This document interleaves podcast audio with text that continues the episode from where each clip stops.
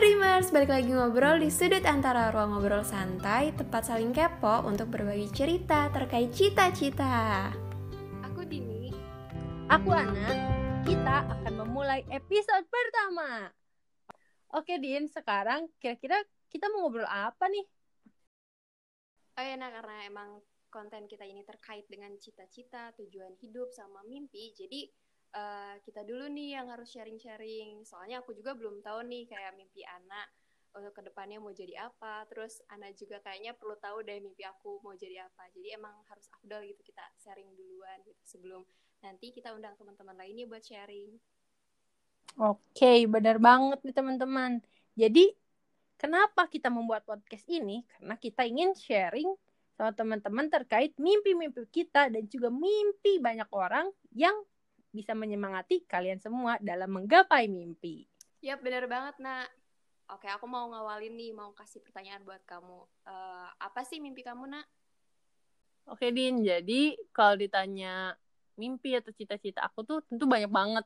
Nah di sini aku mau highlight nih satu cita-cita yang ngebuat aku sampai sekarang masih bertahan buat terus berjuang menggapainya yaitu menjadi menteri keuangan gitu din apa sih alasan kamu kayak pengen jadi menteri keuangan? Kenapa nggak sekalian jadi presiden? Atau jadi apa gitu? Kenapa harus menteri keuangan? Sebenarnya kalau misalnya jadi presiden karena aku nggak nggak apa ya nggak punya passion pengen jadi presiden. Karena kalau aku sendiri emang udah suka sama keuangan. Spesialnya tuh buat ekonomi akuntansi tuh sejak SMP kali ya. Jadi alasan aku pengen jadi menteri keuangan ya tentu karena aku suka di bidang keuangan ya tapi karena banyak orang juga yang sering banget bilang emang bisa jadi menteri keuangan? Emang logis bisa jadi menteri keuangan. Itu sih yang selalu aku highlight dan aku tuh selalu ingat satu pepatah dari presiden pertama kita nih Bapak Soekarno yang bunyinya tuh bermimpilah setinggi langit jika engkau jatuh engkau akan jatuh di antara bintang-bintang. Jadi kenapa aku langsung notice aku menjadi menteri keuangan ya? Seenggaknya kalau misalkan aku jatuh nih ya aku jatuh jadi deputi BI lah.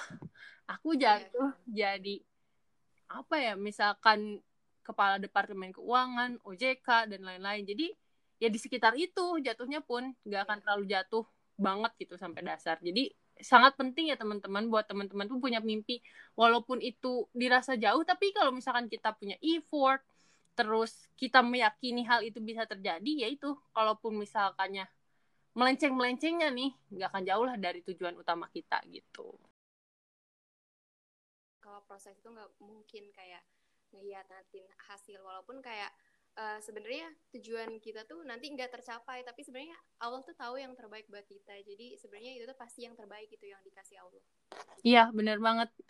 Kayak proses pembelajaran deh. Kalau misalkan kita cuman ah ya udahlah B juga bagus gitu. Misalkan nih kalau yang anak-anak kuliahan, tapi sadar nggak sadar effort kita hanya untuk B. Jadi kalau misalkan jatuh ya kecil lah. Tapi kalau iya, misalkan iya, effort kita untuk A, ya jatuh-jatuhnya ya ke B gitu. B, gitu. Itu iya. yang kadang-kadang apa ya nggak nggak terfikirkan oleh manusia bahwasanya ketika kita menstat sesuatu itu tuh masuk ke alam bawah sadar kita sampai akhirnya effort kita ya udah segitu sesuai apa yang kita step gitu. Oke, Din. Kalau kamu sendiri nih, mimpi kamu tuh apa sih kayak? Aku juga mau tahu dong. Oke, um, aku nggak tahu sih kayak kamu bakal mikir gimana tentang mimpi aku. Tapi mimpi aku tuh, ya pokoknya aku percaya kalau mimpi tuh nggak ada yang kecil, nggak ada yang sederhana ya nggak sih, Nak? Iya benar banget. Ya. Nah, mimpi aku tuh jadi uh, ibu rumah tangga yang sukses gitu, Nak. Oh, mantap. Aduh, kayak aku aku jawabnya sambil deg-degan gitu. Teman-teman boleh di highlight Dini. Iya, jadi kayak kenapa ya? Ya mungkin uh, emang banyak orang kayak mikir ya Ella semua cewek juga ujung-ujungnya bakal jadi IRT. Maksudnya tapi aku kayak nggak mau kayak gitu. Maksudnya aku nggak mau jadi IRT yang kayak cuman ngandelin suami, ngandelin kayak pasangan aku nanti. Aku pengen punya positive value gitu nah. Maksudnya kayak kayak kamu juga kayak sebenarnya ya mimpi aku tuh jadi IRT tapi IRT yang kayak gimana dulu gitu. Kayak makanya untuk uh, di mencapai tujuan itu kayak aku perlu kayak untuk melakukan banyak step dulu sebelumnya untuk mempersiapkan diri aku.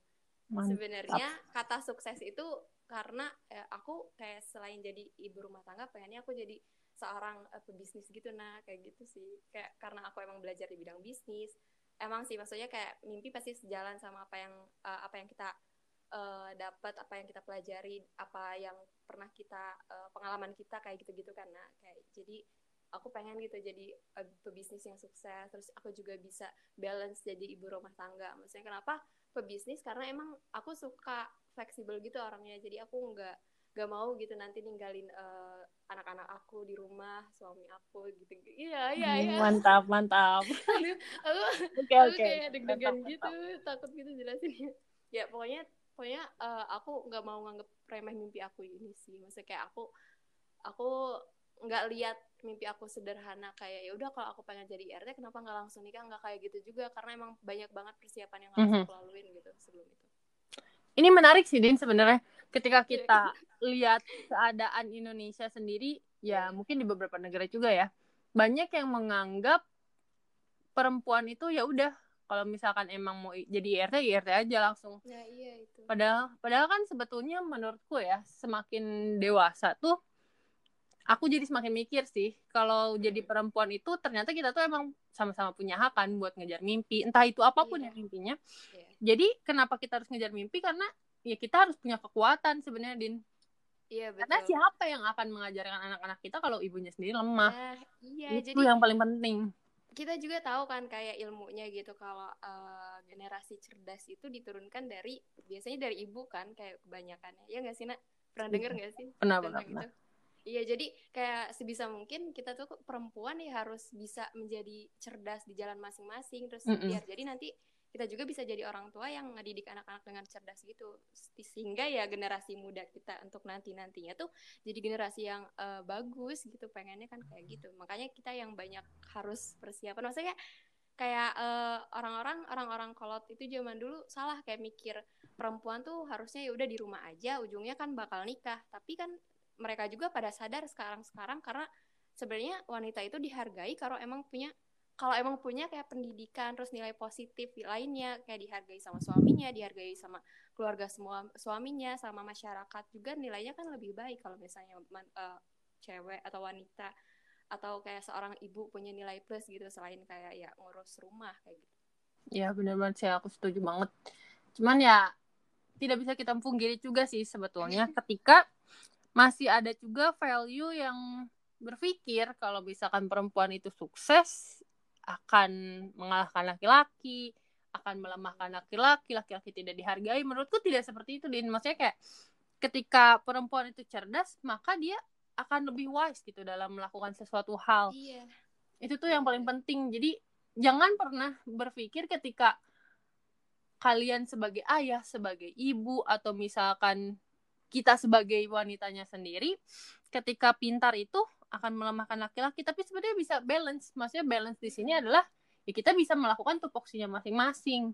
Baik itu dalam dunia profesional ataupun nanti balik lagi ke keluarga. Karena cerdas itu bukan sesuatu hal yang apa ya membuat kamu terjerumus. Jika cerdasnya itu digunakan dengan cara yang baik gitu. Jadi emang yeah. attitude harus selalu dibarengi oleh pengetahuan juga. Jangan sampai kayak salah satu jomplang. Kan kalau misalkan kita oke okay lah perempuan attitude-nya baik tapi pengetahuannya sedikit sehingga dimanfaatkan. Dan yang terjadi adalah banyaknya kejadian di Indonesia sekarang kan ya udah nikah nikah nikah. KDRT-nya banyak terus itu miris banget itu benar-benar miris banget karena perempuan tuh di pihak yang lemah. Makanya kenapa aku selalu bilang kenapa perempuan harus kuat? Bukan berarti untuk apa ya kuat mengalahkan iya mengalahkan sih, atau kuat secara fisik tapi uh, ataupun kita kayak punya... pengen dipandang kayak perempuan tuh kayak ya, derajatnya lebih tinggi. Enggak kita tuh nggak pengen kayak setara yang emang setara harus harus kayak gitu. Tapi kita punya hak yang emang pengen kayak orang-orang tuh hargain kayak gitu. Iya bener banget tuh. Jadi bukan bukan nggak ada sama sekali kayak oh pengen laki-laki. Yang ada itu adalah sebagai perempuan memang harus mempersiapkan diri atas kondisi yeah. apa pun. Maksud kondisi di sini kalau misalkan nih, sorry tuh, saya kalau misalkan suami e, meninggal duluan, berarti kan yang harus membiayai kan anak-anaknya harus dibiayai oleh istrinya, berarti harus punya kekuatan. Kalau misalkan ada ya case-nya gak, gak langgeng nih di pernikahan kan memang sudah kodratnya harus lebih kuat kan maksudnya perempuan tuh harus bisa membiayai dirinya sendiri nanti harus bisa membiayai anak-anaknya begitu juga dalam ranah negara ya. Kita tidak bisa memungkiri nggak kalau misalkan peran, peran peran dari perempuan itu sangat besar. Contohnya di Indonesia sendiri kan ke kita perempuan terus sekarang menteri luar negeri juga perempuan. Jadi nggak ada salahnya gitu ketika kita berpandangan bahwa saya perempuan juga bisa mengejar mimpinya. Aku kan uh, pengen nih uh, di mimpi aku aku kan pengen nih jadi ibu rumah tangga. Tapi kayak aku juga sadar gitu kan dunia ini luas gitu nah dunia ini nggak cuman rumah aku aja di sini nggak cuman kayak Indonesia aja nggak cuman kayak ya beberapa kota di Indonesia aja gitu mm-hmm. jadi kayak aku juga sadar kayak makin ke sini makin sadar sebenarnya kita butuh kayak pengalaman banyak banget pengalaman ya, betul. emang uh, iya yang emang um, uh, menjadikan kayak membangun diri kita itu menjadi lebih diri kita gitu kayak aku juga kayak pengen dulu makanya kayak aku nggak mikir kayak untuk uh, kenapa kalau pengen jadi IRT nggak cepet nikah aja? Maksudnya kayak aku tuh bukan pengen kayak gitu. Aku aku yakin banget nanti bakal ada waktu yang tepat tapi ya nggak harus waktu yang cepat juga gitu loh nah kayak gitu. Jadi kayak kita benar-benar kayak makin sadar di sini tuh kayak butuh banget banyak pengalaman butuh banget proses yang harus kita laluin kayak gitu untuk menjadikan diri kita lebih diri kita. Terus kayak perlu banget kayak berani untuk nantang diri menjadi lebih berani juga mungkin kayak bijak untuk menghadapi setiap masalah gitu loh. Jadi lebih matang lebih dewasa gitu gak sih Nah bener banget sih aku setuju yang dikatain Dini tadi. Jadi pengalaman tuh akan menjadi pendewasaan tersendiri iya. ya untuk diri kita. Apalagi pengalamannya pengalaman-pengalaman luar biasa walaupun itu pengalaman pahit atau baik.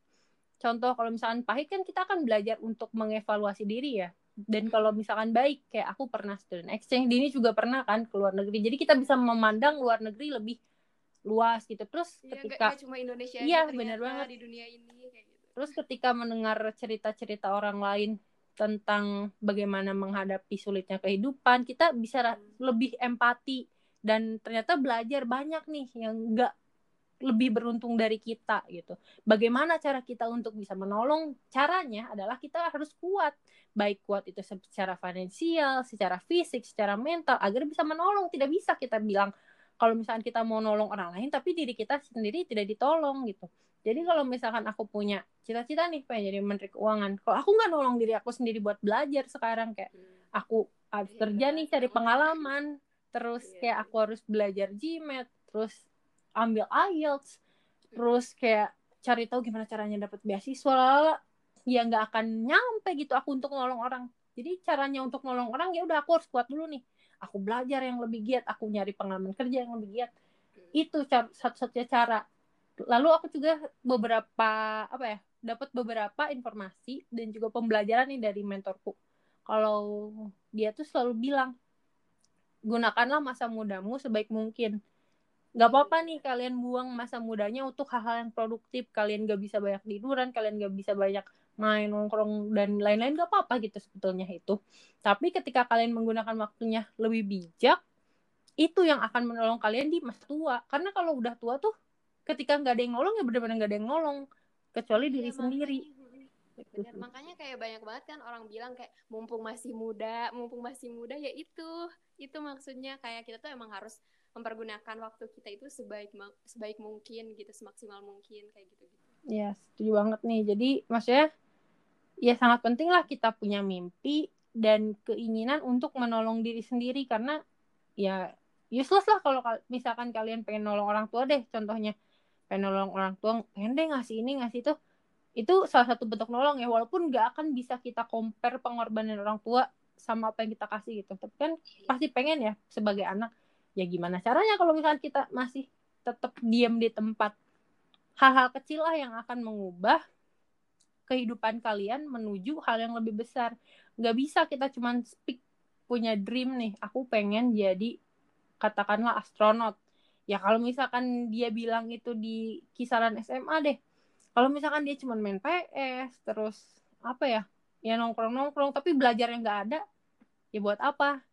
Nggak apa-apa kita main game nonton drakor aku juga suka kok nonton drakor terus ma apa lagi ya nonton TV ngobrol main sama teman-teman nggak apa-apa karena itu perlu gitu untuk mengisi iya itu perlu banget uh, ya, kebutuhan psikologis juga.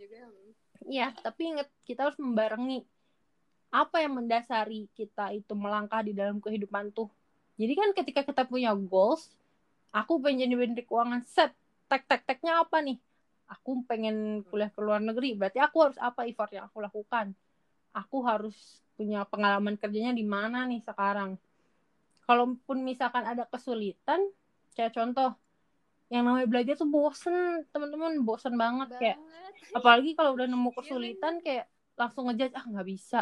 Padahal aku baca iya, buku iya, seseorang tuh akan mahir ya baru mahir nih baru mahir dalam suatu bidang entah itu nyanyi kalau misalkan per, apa matematika mat, atau apalah satu bidang aja butuh sepuluh ribu jam bayangin kalau misalnya aku belajar GMAT itu terdiri dari beberapa tes. Kalau matematikanya aja aku cuma satu jam sehari, aku butuh berapa tahun? Teman-teman, itu sepuluh sepuluh ribu jam itu tanpa henti ya? Perlu pengorbanan waktu. Ya, iya. Ya, Jadi apa sih yang mendasari itu tuh buat kamu bisa terus maju? Mimpi ketika kalian gak punya sesuatu hal yang sangat dasar, di tengah jalan kalian dipatahin, ya patah. Tapi kalau misalkan kalian punya kekuatan dari dalam diri, mau dihujat, mau kesulitan finansial, terus mau misalkan bosen atau depresi atau apa, ketika kalian ingat satu hal itu, itu yang akan membangkitkan kalian kembali gitu. Perjalanan kamu kayak bisa sampai menetapkan mimpi kamu itu. Kan kayak biasanya kita tuh kayak kalau mimpi suka beda-beda gitu karena mm. bukan beda-beda pastinya ganti-ganti dari kecil. Aku pernah kayak pengen jadi koki, desainer, pelukis, bla bla bla. Ujungnya pas SMP kayak aku mulai sadar kayak mikir aku mah pengen jadi IRT tapi nggak mau IRT biasa kata aku tuh kayak gitu.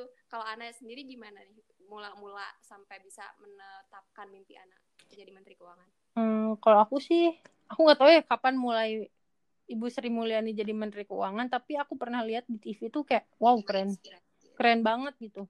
Tapi itu pun kayak yang enggak yang aduh aku selalu pengen jadi menteri keuangan. Enggak aku pernah pengen jadi apa ya konsultan apa gitu. Tapi aku mulai menyadari nih ketika mulai SMP ternyata aku suka banget organisasi. Kayak aku suka info di apa ya kalangan orang-orang gitu. Gimana aku ngasih kontribusi sampai SMA pun dari pramuka aku SMA PMR ketua PMR terus okay. jadi berkembang juga nih ke Unif. Di Unif aku yeah, BEM BEM juga selalu keuangan bendahara keuangan sampai akhirnya BOD kan tetap megang keuangan juga. Dari situ aku sebenarnya belum belum terlalu apa ya kalau bahasa Sunda mah panteg gitu ceceg aku pengen yeah. jadi menteri keuangan. Ada satu hal yang kayak sempat menjatuhkan aku masalah dan di situ aku mulai sadar ketika aku bangkit nggak aku nggak bisa kayak gini aku nggak bisa lemah. Aku harus punya kekuatan. Akhirnya aku udah netepin nih aku pengen jadi menteri keuangan udah. Cita-cita dulu yang sempat longgar. Tadinya aku bahkan mikir apa nikah dulu ya? Apa ikutin orang-orang ya jadi ini jadi itu. Akhirnya aku menetapkan nih. Mungkin orang-orang awalnya apa ya memandangnya sebelah mata gitu. Emang yakin bisa. Ya berarti aku harus membuat jalannya apa dulu nih buat nyampe sana? Aku daftarlah ke Unif. Dan alhamdulillah LOA udah ada. Terus tapi aku pengen kan yang yang maksudnya untuk jadi menteri keuangan gak bisa yang biasa-biasa aja dong. Berarti aku sekarang effortnya aku pengen juga nih daftar ke univ dunia. Maksudnya top 10 dunia lah minimal. Bidang keuangan agar bisa mewadahi kapabilitas aku ke depannya. Walaupun emang nantinya aku nggak tahu aku jadi menteri keuangan atau enggak seenggaknya mimpi itu teman-teman yang selalu dipegang ketika down ketika mulai ah malas gitu. Ketika jujur ya maksudnya aku yakin semua orang yang kerja ngerasain pernah dimarahin atau kayak gimana yang bikin stres. Nah saat-saat itu juga kayak aku pernah ngalamin kayak ah, nggak ah, apa-apa ini ngebuntu kamu. Aku terus yang aku bikin sadar uh, karena aku kan kerja nih sekarang juga walaupun emang yang kerja dari rumah ya bilang nih uh, atasanku kayak dulu juga ibu buat melewati banyaknya ujian tuh sama kok capek gitu. Itu dia bilang emang gak secara langsung ke aku ya kebanyakan. Dan semua orang juga akan melewati setiap ujian-ujian masing yang paling penting itu mental buat menghadapi ujian tersebut. Karena kan percuma gitu ketika kita udah mempersiapkan katakanlah kalau aku ya aku mau tes GMAT aku udah belajar apa-apa tapi pas satu hari sebelum tes GMAT aku mentalnya nggak siap ya rusak kan. Jadi sebetulnya di prosesnya itu mental kita memang harus sama-sama kuat selain berpikir selain tenaga selain finansial mental tuh memang ternyata jadi kunci utama untuk kita bisa terus bertahan tuh kalau kamu gimana din? Ceritanya bisa jadi sekarang pengen IRT sukses nggak tahu ya pokoknya dari SMP kayak aku tuh mulai mulai sadar gitu loh. Sebenarnya uh, hidup itu mudah cuman kayak ya pikiran kita yang meribetkan nah, bener banget. semuanya. Gila itu kayak pikiran kita yang bikin pusing semuanya gitu. Iya ya sebenarnya hidup itu kayak udah sebenarnya gampang ya ya tinggal jalanin gitu. Cuman ya kita aja kayak banyak mikir aduh ini susah aduh aduh aduh pokoknya kayak banyak aduh banyak ngeluh bla bla bla. Terus kayak aku mulai mikir karena aku orangnya ya gimana ya aku tuh orangnya yang terlalu terlalu terlalu enggak mau diatur bukan enggak mau diatur juga. Pokoknya kan uh, setiap orang pasti punya alasan gitu kenapa cita-citanya itu. Aku juga punya alasan sendiri yang kayak aku nggak bisa ceritain sebetulnya di sini. Mm-hmm. yang pokoknya kayak aku tuh mau membuktikan ke diri aku sendiri kalau IRT menjadi ibu rumah tangga itu ya bener. uh, kata Ana gitu. Nggak nggak perempuan tuh nggak cuman kayak yang pada ujungnya jadi IRT ya udah IRT yang kayak uh, yang ngurus rumah doang yang kayak semua yang ngandelin suami atau kayak gimana gimana tapi kayak aku juga pengen kayak kekuatan sendiri gitu pengen mandiri pengen uh, punya bisnis terus sukses di bisnis di bisnis aku. Terus juga aku juga kayak semua orang kan pengen uh, jadi orang yang bermanfaat ya nah, nah aku tuh kayak mandang kayak semua orang tuh pasti punya jalannya masing-masing untuk kontribusi ke negara kita. Nah, aku tuh kayak mikirnya ya mungkin uh, pegawai negeri uh, kontribusinya langsung mengabdi ke negara gitu karena Nah, kalau aku karena aku emang cita-citanya jadi pebisnis nih, nanti di bidang apa pun itu aku udah punya rencana sih di bidang apa. Terus aku juga udah kayak detail gitu, tulis mimpi aku, tulis rencananya, deadline-nya kapan-kapan aku udah punya kayak gituannya. Karena emang itu harus di set rinci karena biar kayak kita menggapainya tuh emang emang pasti gitu pengennya kan tapi walaupun ya kita juga nggak tahu nantinya kayak gimana setidaknya kan kita punya rencana detail gitu nah uh, aku mikirnya kayak kontribu kontribusi aku ya aku pengen uh, kerja untuk diri aku sendiri tapi aku bisa kayak uh, bermanfaat untuk orang lain. Yaitu aku pengennya bisa membuka lapangan pekerjaan yang banyak untuk orang lain. Nah itu mungkin yang bisa jadi bentuk kontribusi aku ke negara aku kayak gitu nah kayak gitu. Yes. jadi aku mikirnya ya sederhana dari cuman seorang IRT yang emang bisa balance ngurus rumah terus ngurus uh, bisnis juga tapi aku nggak mau ninggalin anak aku kayak gitu kan nantinya. Kayak aku nggak tahu sih aku mikirnya udah jauh kayak tentang rumah tangga karena emang itu udah cita-cita aku gitu kan. Tapi aku juga pengen kontribusi gitu ke negara aku ya lewat itu gitu. Dan aku yakin semua orang juga pengen kayak bermanfaat kayak untuk uh, sesama gitu. Ya setuju banget sih. Kayak tadi nyinggung kontribusi karena aku tuh emang selalu pengen berkontribusi di hal apa pun gitu. Even kayak di keluarga aku pun aku selalu maksudnya ya berusaha menyemangati orang tua. Itu kan sudah yeah. termasuk kontribusi ya. tapi ya sama sih. Mungkin Dini kontribusi besarnya tuh ingin bisa membuka lapangan kerja nih yang banyak buat orang-orang sekitar dan warga Indonesia gitu. Kalau aku tuh kontribusi terbesar aku aku ingin membuktikan teman-teman bukan ke orang lain ya tapi ke diri aku ke bahwa diri bahwa aku tuh bisa meraih khususnya ya perempuan-perempuan dan orang-orang yang dari daerah itu bisa kok sukses maksudnya dengan tekad yang sangat besar usaha dan juga doa karena ya masih banyak lah kayak kalangan di sekitar aku aja tuh mungkin untuk kuliah tuh susah gitu kesempatannya. Kebetulan sekarang aku lagi ada kesempatan karena kerjanya di rumah dan juga mempersiapkan untuk tes GMAT juga di rumah. Aku ngajar, ngajar anak-anak di sini walaupun ya cuman berapa gitu ya di pesantrenku. Tapi aku ingin memperkenalkan gitu, aku selalu ingin memotivasi bahwasanya semua orang tuh berhak untuk menggapai mimpinya masing-masing. Even kita tinggalnya di desa. Aku dulu SD, SMP sampai SMA malah kayak gak pernah kepikiran pengen keluar negeri.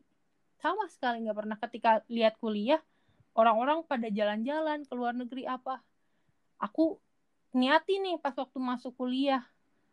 Aku emang nggak maksudnya kalau misalkan buat jalan-jalan aku nggak mampu jujur aku nggak mampu buat jalan-jalan.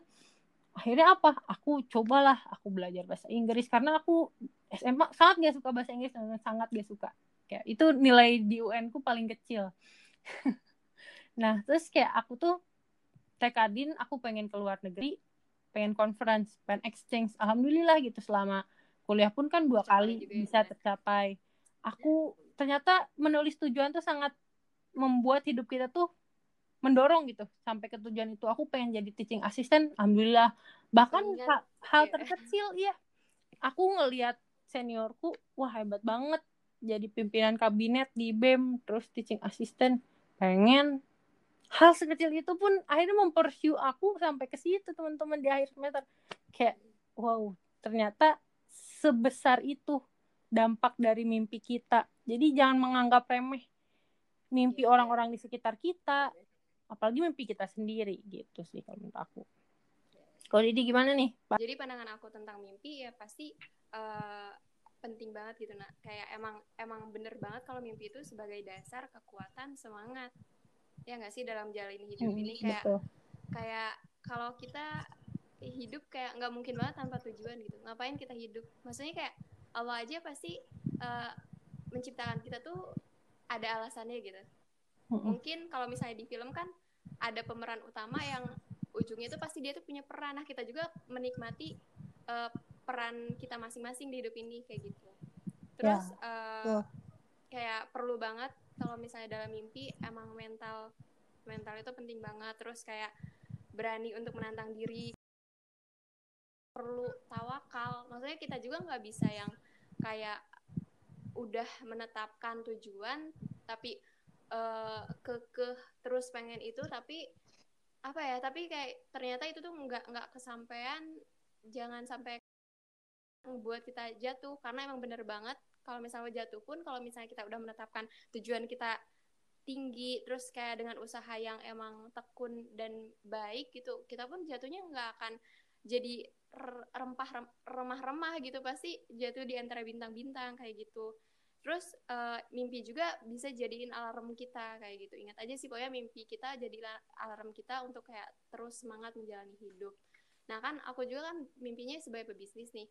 Kan aku juga selama di uh, ya dari kecil sebenarnya kayak aku udah mulai kayak belajar kayak jualan-jualan kayak gitu. Terus aku emang lebih suka kayak marketing, masarin produk gitu-gitu. Terus di kuliahan juga aku belajarnya tentang bisnis. Terus kayak pernah bukan pernah masih sih kayak masih masih punya uh, bisnis juga sama teman-teman dan pas ngejalanin ternyata ya emang nggak nggak nggak semudah itu nggak kayak sukses tuh dengan cara yang semudah itu enggak loh jadi kita masih benar-benar perlu banyak belajar gitu dari dari hal-hal yang kita alamin kayak gitu-gitu. Dan nggak bisa instan langsung sukses jadi pebisnis kayak gitu-gitu. Jadi emang masih perlu banyak banget pengalaman kayak aku untuk mencapai mimpi aku kayak gitu. Ya benar banget setuju Den kayak paling nambahin dikit terkait terkait proses ya teman-teman. Jadi yang namanya proses itu memang membutuhkan waktu tapi ingat kita harus menikmati proses itu. Karena yang menentukan kebahagiaan itu bukan berarti kalau sukses gue bahagia loh. Enggak enggak gitu. Tapi bahagia yang enggak tuh sekarang tuh ya kita yang menentukan. Ya udah kalau misalkan mau bahagia nanti ya buat apa hidup maksudnya ya? Ya udah sekarang yeah. selagi hidup dalam proses menuju suatu mimpi ya nikmatin aja gitu bahagia aja. Ketika misalkan harus dihadapkan nih kepada keadaan yang sulit yang menjatuhkan kadang-kadang yang bikin down yang emang harus nangis ya udah nangis gitu. Karena kalaupun apa ya itu membuat kamu sakit nggak akan selamanya kok. Itu adalah suatu pembelajaran yang nggak akan pernah kalian bisa dapat dari kelas dari sekolah dari seminar-seminar. Karena itu yang ngadapin tuh cuman kalian sendiri. Jadi kalian akan mengenal diri kalian sendiri dan berusaha gitu menjadi lebih baik daripada hari kemarin karena masalah tersebut. Gitu. Iya, dan ini bener banget. Nah, ini kayaknya aku benar-benar harus inget deh apa kata-kata kamu. Dan emang balik lagi kayak kita tuh sebenarnya hidup tuh bisa aja mudah, tapi emang pikiran kita gitu yang ngeganggu, yang bikin banyak kayak susah, sulit, ngeluh dan lain sebagainya kayak gitu. Ya, ya gak sih, Nah? Betul banget, betul. Aku jadi ingat ada quotes juga aku nggak tahu ya quotes dari siapa kalau yang ini jadi sebetulnya yang membuat sesuatu hal itu impossible atau nggak bisa terjadi tuh dilimitasi oleh pikiran kita. Oke, Jadi kayaknya ketika- aku tahu deh. Iya, jadi ketika kita Eh, bilang nggak bisa nih matematika, padahal Ya udah. bisa sebenarnya. Tapi karena kalian melimitasi nggak bisa nih, aku nggak bisa Jadi matematika. malas. Ya udah males gitu. Padahal kan Iya, emang. tadi balik lagi. bilang nggak bisa tuh ya ya kayak me- mental block gitu loh kayak Iya betul. bisa disamain kayak mental block. Jadi ya udah kita udah nge-blacklist sama hal itu kayak aku nih. Aku nggak suka minum kopi. Ya emang gara-gara aku kalau minum kopi itu pasti kayak aku aneh gitu kayak deg deg deg deg gitu. Padahal mungkin kalau misalnya dibiasain terus nyoba mah bisa aja kayak biasa aja kan. Tapi kayak aku udah kayak ngeblok kopi gitu dari minuman aku jadi aku nggak akan pernah nyoba kayak gitu. Kayak gitu sih kayaknya. Ya betul Iya banget itu. Terus ada juga ini dari temenku, gak tau sih temenku dari mana ya. Ini dari Deta, aku selalu inget waktu itu aku pas Hmm. lagi jatuh dan dia bilang kayak kita nggak harus selalu kuat teman-teman, tapi Nah, kita harus itu. selalu berani. kita Jadi, kita harus selalu Berani maksudnya kita sebenarnya uh, kuncinya tuh kita tuh ya kita tuh nggak bisa setiap saat kuat nak tapi kalau berani tuh kita bisa setiap saat coba untuk berani Mm-mm, betul banget. Jadi betul banget even kita lagi di posisi terendah menurut kita ya, karena kan kita nggak bisa komparasi ke orang lain. Ya ketika kita berani, berarti berani untuk melangkah lagi, berani untuk berdiri bangkit, berani untuk membuka kehidupan itu yang paling penting. Walaupun kita sakit, walaupun kita emang harus nangis pada saat itu ya nangis, tapi ingat berani teman-teman itu. Karena kalau misalnya kita sendiri nggak berani dan nggak percaya sama diri kita bahwa kita berani, kita nggak bisa melangkah lagi. bangkit, Iya, kita hanya akan stuck di poin tersebut itu.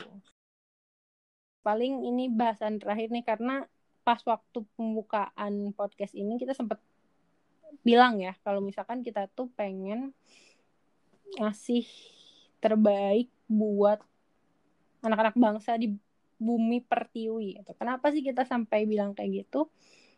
Karena menurutku kontribusi untuk negara tuh sangat penting gitu dan itu bisa dilakukan dengan banyak hal. Jadi salah satunya ya salah satunya mungkin kalau menurutku ya tadi aku punya mimpi pengen jadi menteri keuangan, Dini pengen jadi pebisnis dan teman-teman yang lainnya punya mimpinya masing-masing. Jadi apa sih kenapa harus ada di sini Ibu Pertiwi? Karena kalau misalkan kita melupakan dari mana asal kita, kita bisa jatuh juga teman-teman. Walaupun kita punya mimpi yang tinggi, karena apa ya? Sebetulnya mimpi juga harus didasari oleh value. Jadi jangan sampai value-nya salah gitu buat buat Iya. menentukan mimpi. Contoh, aku pengen jadi menteri keuangan buat bisa banyak uang gitu. Maksudnya buat punya banyak uang. Iya, Ya, itu salah punya value-nya, maksudnya bagus, kayak gitu-gitu. Itu akan menjatuhkan kalian sendirinya loh. Karena tujuannya salah gitu. Dasar dari dreamnya itu salah. Tapi kalau misalkan aku pengen jadi menteri keuangan karena aku pengen membantu negara. Jadi apa?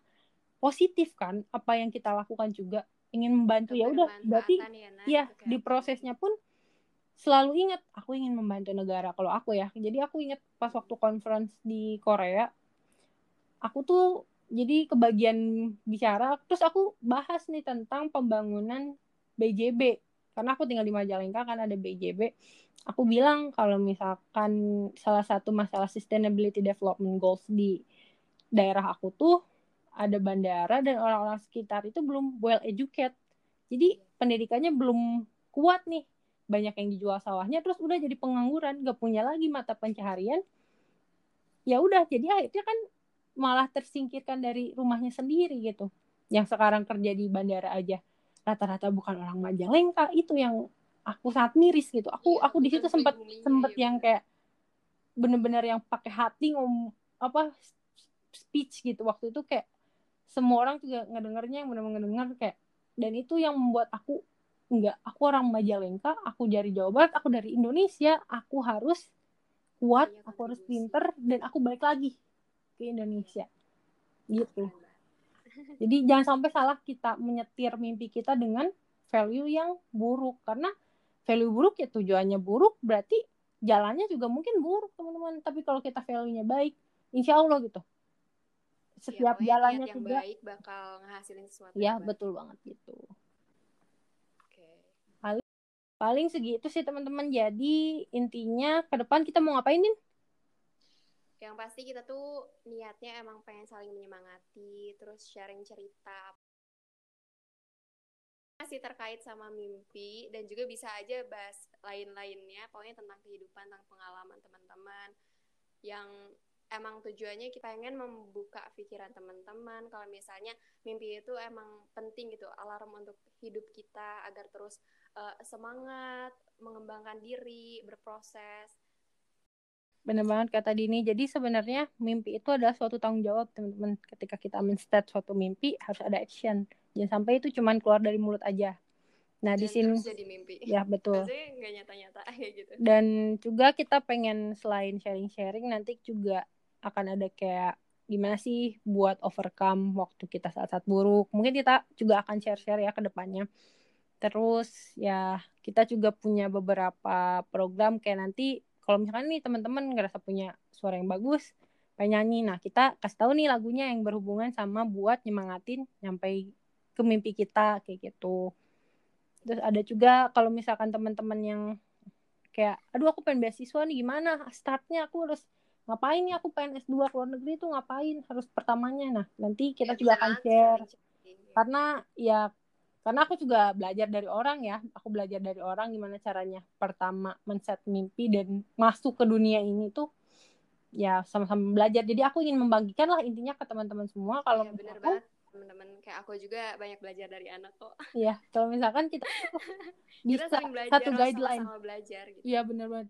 Jadi jangan iya. sampai yeah. teman-teman udah nge mimpi terus ngapain? Hmm. apa yang harus aku lakukan? Akhirnya malah ya udahlah ikutin orang ya udahlah ada takdir mah. Memang semua orang punya takdir tapi iya. kita memang harus tetap memperjuangkan itu. Mungkin udah kali ya Din ya?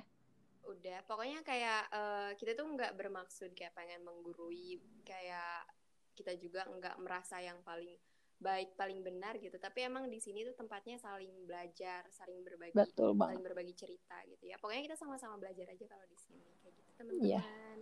dan di sini kita sangat memahami kalau yang namanya meraih mimpi itu sangat banyak kesulitan banyak sekali emosi di dalamnya. Emosi di sini bukan berarti marah ya tapi kayak menguras emosi yang bikin nangis lah mungkin harus menghadapi sesuatu hal yang tidak kita duga. Nah, di situ juga kita akan saling apa ya, memberikan support gitu untuk teman-teman dan kita juga sangat membuka sekali kalau misalnya teman-teman pengen diskusi nih sama kita. Diskusi atau curhat.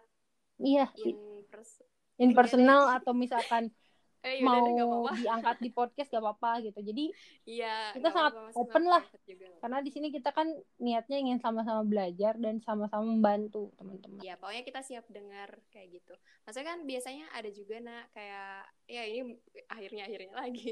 Ada juga kayak yang masih ragu tentang mimpinya kayak gitu kan. Maksudnya kayak kita ya saling support aja. Kita pasti punya tujuan kok di hidup ini kayak gitu. Ya betul. Ini ini udah paling banget terakhir nih pokoknya. Jadi teman-teman Nah, nanti juga selain apa ya? Selain kita podcastnya narasumber Indonesia, kita juga akan mengundang ya, sudah mengundang beberapa uh, narasumber anak muda juga, tapi dari luar negeri gitu. Jadi kan kita punya insightnya nggak cuman ya di sini-sini aja gitu. Ternyata semua orang loh di dunia ini memang harus bermimpi, teman-teman. Teman-teman